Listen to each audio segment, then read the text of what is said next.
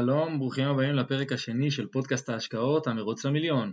כאן אושרי, אה, ואני רוצה להגיד שאני מאוד שמח שהצטרפתם אליי כאן לעוד פרק אה, ובחרתם אה, להאזין לפודקאסט שלי מכל הפודקאסטים שיש שם בחוץ. אז מה אנחנו נעשה בפרק הזה? בפרק הזה אנחנו נצלול לעומק הביטים של הבלוקצ'יין ואנחנו נבין ביחד מה הרעיון העומד מאחורי עולם המטבעות הקריפטוגרפיים, או בשמם המקוצר קריפטו, נשמע קצת על המטבעות השונים, למי מתאים אפיק ההשקעה הזה, אז uh, הצטרפו אליי ובואו נתחיל.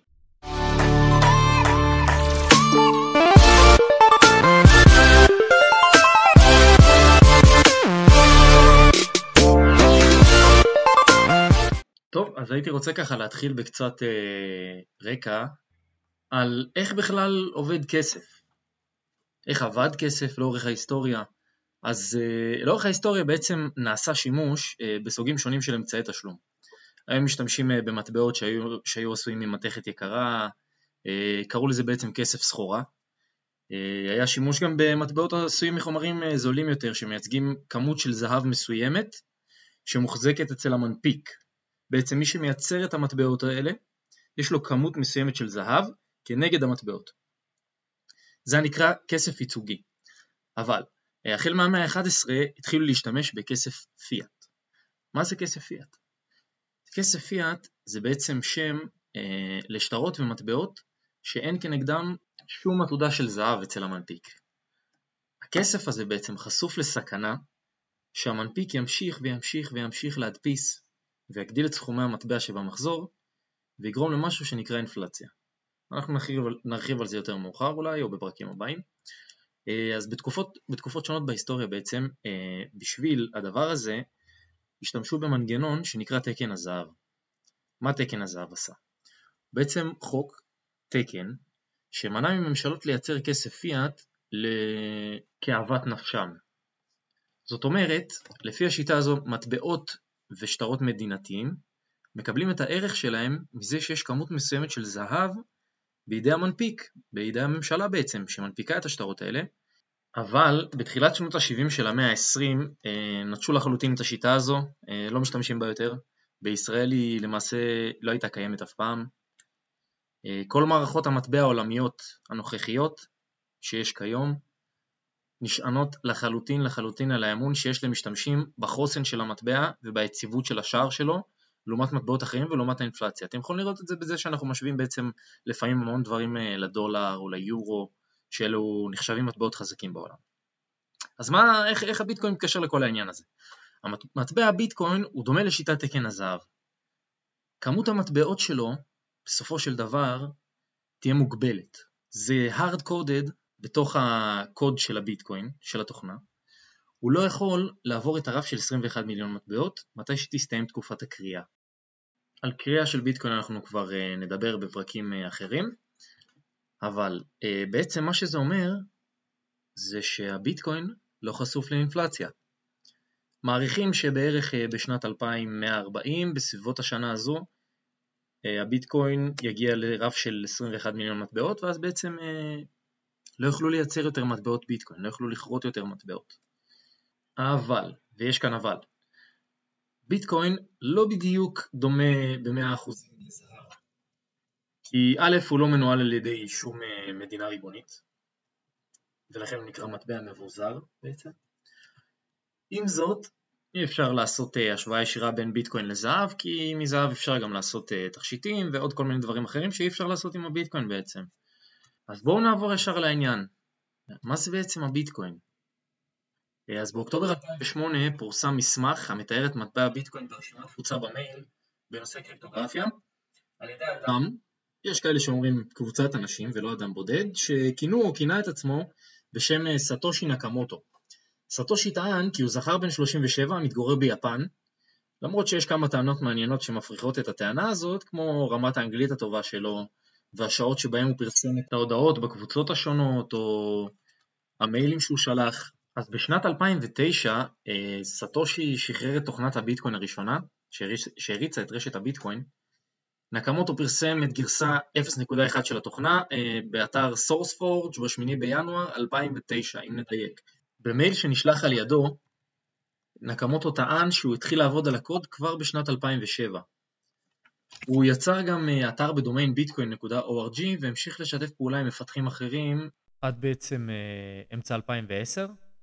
ואני אתן לכם כאן עוד עובדה מעניינת, שאם מסתכלים בהיסטוריית הבלוקצ'יין, אפשר להעריך, זו הערכה די גסה, שלנקמוטו עצמו יש כמיליון מטבעות ביטקוין בכתובות שונות.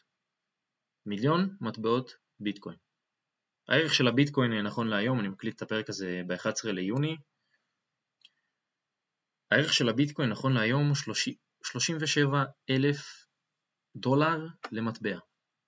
אז דמיינו לעצמכם כמה זה מיליון מטבעות ביטקוין, שבעצם הסכום הזה שווה בערך ל-58 מיליארד דולר, מה שהופך את אה, נקמוטו לאדם במקום השמיני מבחינת עושר בכדור הארץ. אה, תראו, זה תאורטי כמובן, אה, אם הוא ימכור את כל המטבעות בעצם תהיה נפילה רצינית של הערך של הביטקוין ואף אחד מאיתנו לא רוצה שזה יקרה. אז בואו נעבור קצת למבנה הבלוקצ'יין. ביטקוין בעצם יושב על רשת ומסודר בצורה של מבנה נתונים שנקרא בלוקצ'יין. מה זה בלוקצ'יין? אז אה, מטבעות ביטקוין הם רשומה ייחודית בקובץ ציבורי המכונה שרשרת בלוקים, בלוקצ'יין כמו שאמרנו. דמיינו לעצמכם שרשרת של בלוקים שמסודרים בצורה אקראית והבלוקים האלה בעצם מתועדים וכולם יכולים לגשת לרשומות שנמצאות בתוך הבלוקים האלה.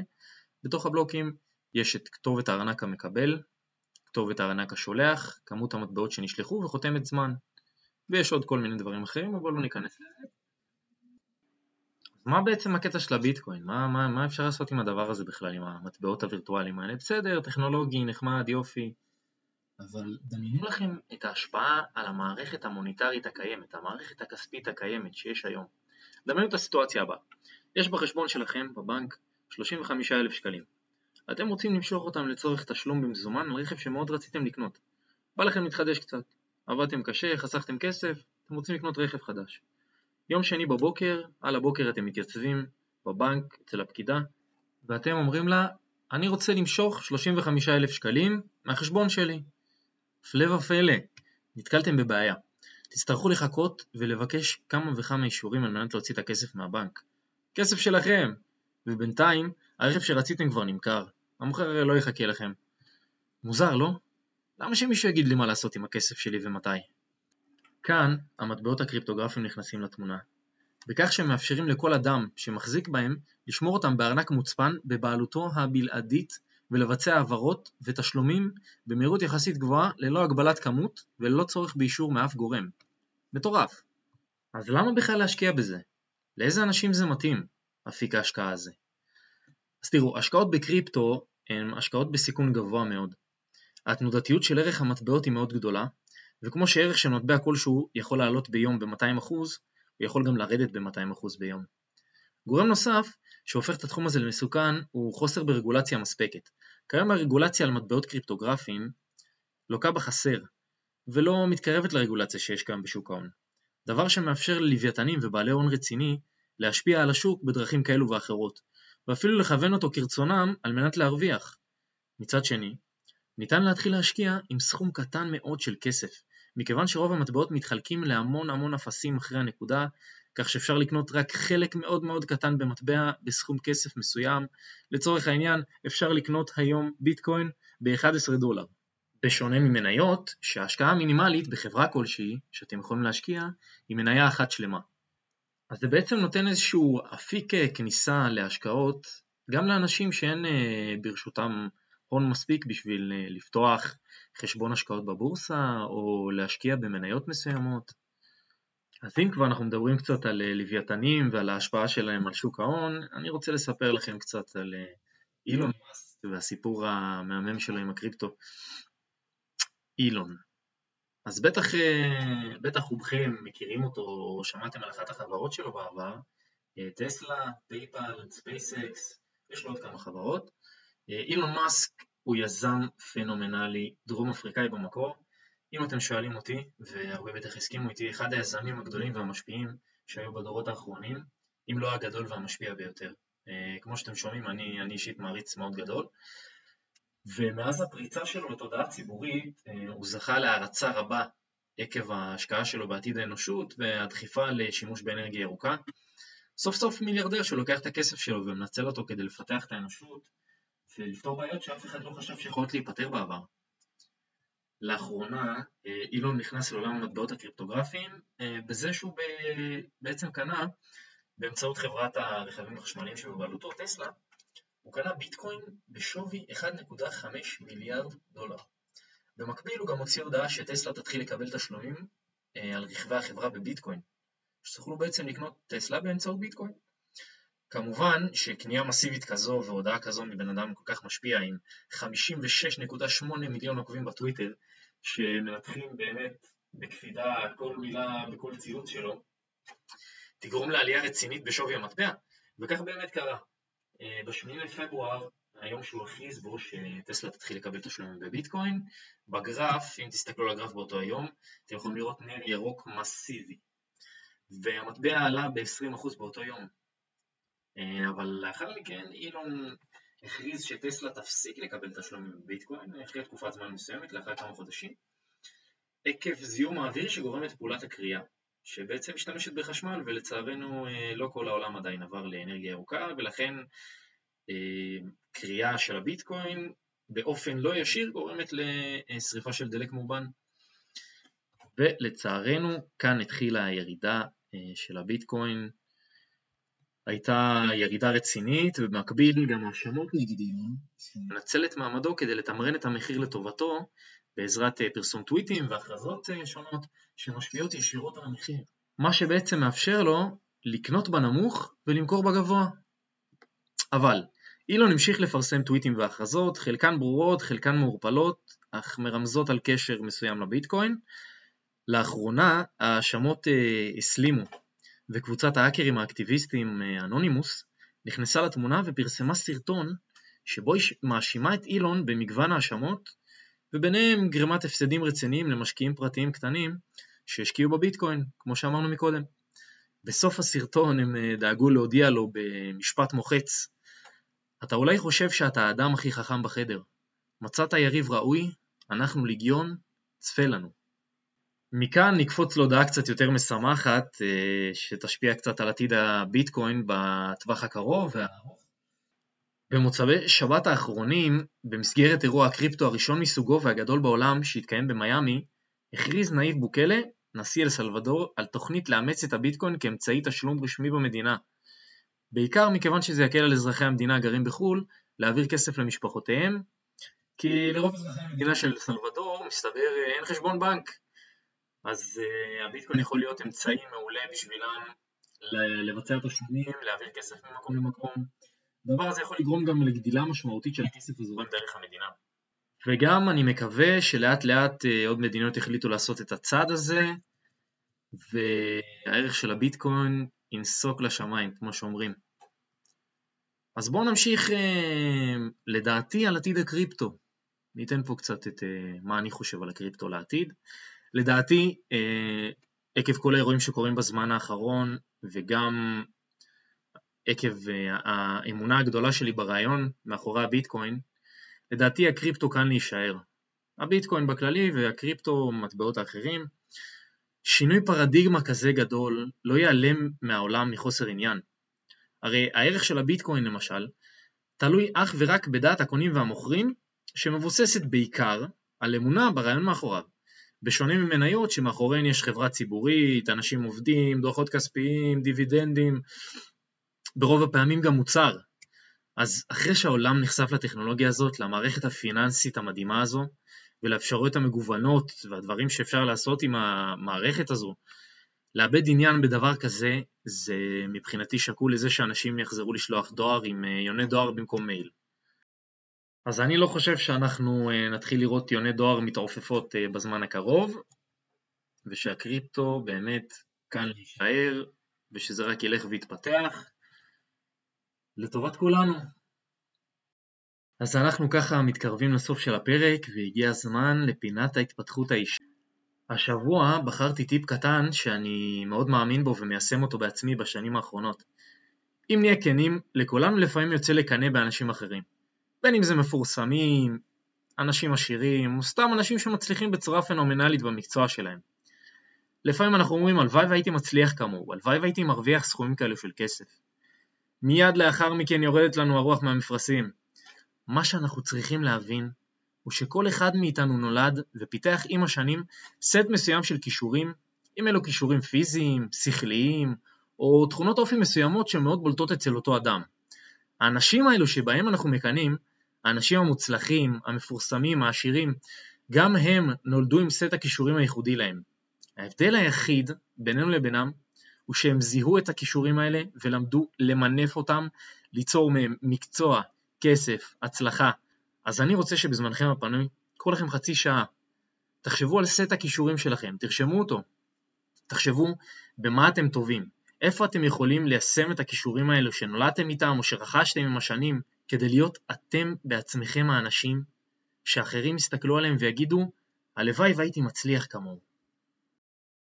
אז אה, בנימה אופטימית זו ואחרי העצה להתפתחות האישית הזו, אנחנו נעבור לפינת המטבעות והמניות השבועית. אז השבוע בחרתי לסקר מטבע שנקרא WIN או WINk בשמו המלא, הוא בעצם אה, אסימון, סוג של token, שנועד לשמש כמטבע בפלטפורמת ה gaming המבוזרת שמבוססת על טכנולוגיית הבלוקצ'יין של WIN. אה, מתרכזת בעיקרה ב gaming ובפרט במשחקי הימורים. במטבע זה אין עמלות על טרנזקציות, וכרגע מתבצעת עבודה של יוצרי המטבע ביחד עם המפתחים של רשת אה, TRON, כדי לאפשר אה, עוד אפשרויות תשלום. למשל שימוש ב stable coins, מטבעות יציבים שצמודים לדולר, ליורו, הלוואות חברתיות ועוד. אז נשמע שהמטבע הזה הולך להיות המטבע העיקרי שיהיה בשימוש בתעשיית משחקי ההימורים האינטרנטיים. בהסתכלות קלה על הגרף שעשיתי, לא ברור כל כך לאיזה כיוון הוא הולך, המגמה הראשית היא מגמה דובית, שזה בעצם אה, מגמת ירידה. לאחר אה, קפיצת המחיר הגדולה והנפילה בחזרה למחיר הקודם, שקרתה לכל המטבעות אה, בין ה-31 למרץ ל-5 באפריל, המטבע עלה ב-625 אחוז. אך לאחר מכן, תוך כמה שבועות, חזר למחירו הרגיל לפני הקפיצה. אז אה, ככה למידע המלא על המטבע הזה, אתם יכולים כמובן לבקר בעמוד הפייסבוק שלי, פודקאסט המרוץ למיליון, ששם אני אפרסם את הסקירה הטכנית המלאה, כולל תמונות של הגרפים ועוד פרטים טכניים שיכולים uh, לעזור לכם לחקור קצת יותר על המטבע הזה. אני פה בשביל לעשות לכם את עבודת הניתוח. אוקיי, אז נעבור למטבע השני. המטבע השני הוא מטבע שנקרא מטיק, או פוליגון. אה, הוא טוקן של תשתית פוליגון שיושבת על רשת האתריום. מטבע אתריום, עוד אחד המטבעות המפורסמים והרציניים, בעצם אה, מקום שני אחרי הביטקוין. אז תשתית פוליגון, התשתית שעליה יושב המטבע הטוקן, מטיק, באה כדי לפתור בעיות שונות שיש למפתחי בלוקצ'יין עם רשת האתריום הנוכחית. אה, ביניהם היכולת לגדול לאורך זמן, Scalability, כמו שקוראים לזה באנגלית, המהירות של הטרנזקציות, העברת הכספים ממקום למקום, ופרוטוקול תקשורת שיאפשר תקשורת קלה בין תשתיות שונות שבנויות על רשת האתריום. אז uh, הטוקן והפרויקט בכללי נשמעים מאוד טוב ונשמעים שזה יעזור מאוד מאוד למפתחי בלוקצ'יין, אבל יותר למפתחי בלוקצ'יין מאשר אנשים מן המניין המחפשים להשקיע בקריפטו, אבל uh, המטבע עלה בצורה יפה ומתונה לאורך כמה חודשים מאז ההנפקה שלו, נפל ביחד עם שאר המטבעות ב-19 למאי, אבל נראה שהוא מתאושש יפה וחוזר למגמה שהורית עם הזמן, מגמת עלייה, ההערכות הן שהוא יפרוץ את השיא הקודם שעומד על 2.7 דולר לטוקן, המחיר שלו היום 1.6. מכאן נעבור למניות השבועיות. אז אה, בחרתי שתי מניות מעניינות. המניה הראשונה היא בסימול A, Agilent Technologies. זו חברה בסקטור הרפואי שבמקור התפצלה מחברת HP בשנת 1999 אה, ומאז התפתחה לחברה מובילה בתחום מדעי החיים ודיאגנוסטיקה. הם מתעסקים כרגע בשלושה תחומים עיקריים, אה, מדעי החיים, כלים יישומיים, מכירת מוצרי צריכה ושירותים נלווים, דיאגנוסטיקה וגנומיקה. אה, אז בהסתכלות קלה על הגרף ניתן לראות כל מיני דברים חיוביים. הסקטור הרפואי עצמו בעצם צמח ב-113% בחמש שנים האחרונות, שזה די, די מטורף. אה, הנתונים הפונדמנטליים של החברה נראים טובים, אני לא אפרט כאן יותר מדי אה, מה האחוזים, אבל את כל הדברים האלה, כל הדברים האלה כתובים אצלי בדף הפייסבוק, הפודקאסט, המרוץ למיליון.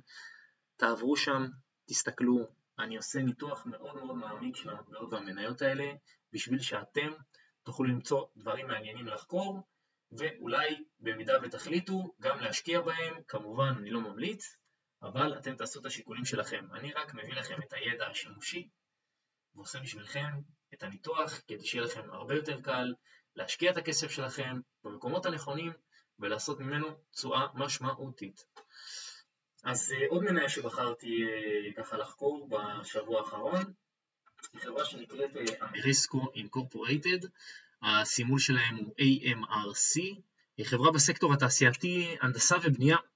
החברה מספקת פתרונות התייעלות בצריכת אנרגיה למתקנים בצפון אמריקה ואירופה, ושואפת לעזור להקטין את צריכת האנרגיה במתקנים אלו באמצעות הפתרונות הסולאריים שלהם, ביניהם לוחות סולאריים, משאבות מים סולאריות, בקרים וציוד נלווה. החברה גם מספקת שירותי תחזוקה ותפעול גם למתקנים ממשלתיים, מוסדות חינוך ורפואה. אני אישית מאוד מאמין בסקטור הזה של האנרגיה הירוקה, ולמרות שהסקטור של ההנדסה ובנייה, שבתוכו החברה הזאת נמצאת, הוא מהווה נתח די קטן מהשוק, אבל נראה כי החברה התאוששה באופן מעולה ממשבר הקורונה אה, בשנה שעברה, ומאז טיפסה כ-392% בשנה.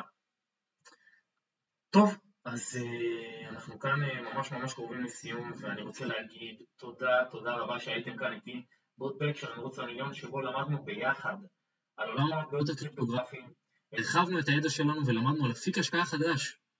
קיבלנו שתי מטבעות ושתי מניות מעניינות לחקור בזמננו הפנוי, וגם טיפ קטן שיתרום להתפתחות האישית של כל אחד מאיתנו.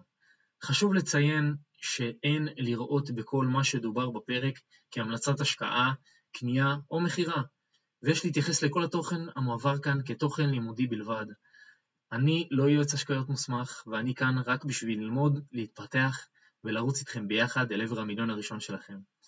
אז uh, עד שניפגש כאן בשבוע הבא, בפרק הבא, אתם מוזמנים לבקר בדף האינסטגרם שלי, The Race, קו תחתון, to the million, מחובר. בדף הפייסבוק שלנו, פודקאסט המרוץ למיליון, שגם תוכלו לראות שם את הסקירות המלאות עם תמונות של המטבעות והמניות, שאני אציג בכל פרק, וגם תוכלו לשאול אותי סתם שאלות, להציע רעיונות, או להמליץ לי על אה, מטבעות או מניות אה, מעניינים שבא לכם שאני אזכור אותם, ואני אה, אעבור עליהם כמובן, ואני אזכור אותם כאן בפרק. סקירה בעמוד הפייסבוק. אז שוב, תודה רבה שהייתם איתי, וניפגש בשבוע הבא.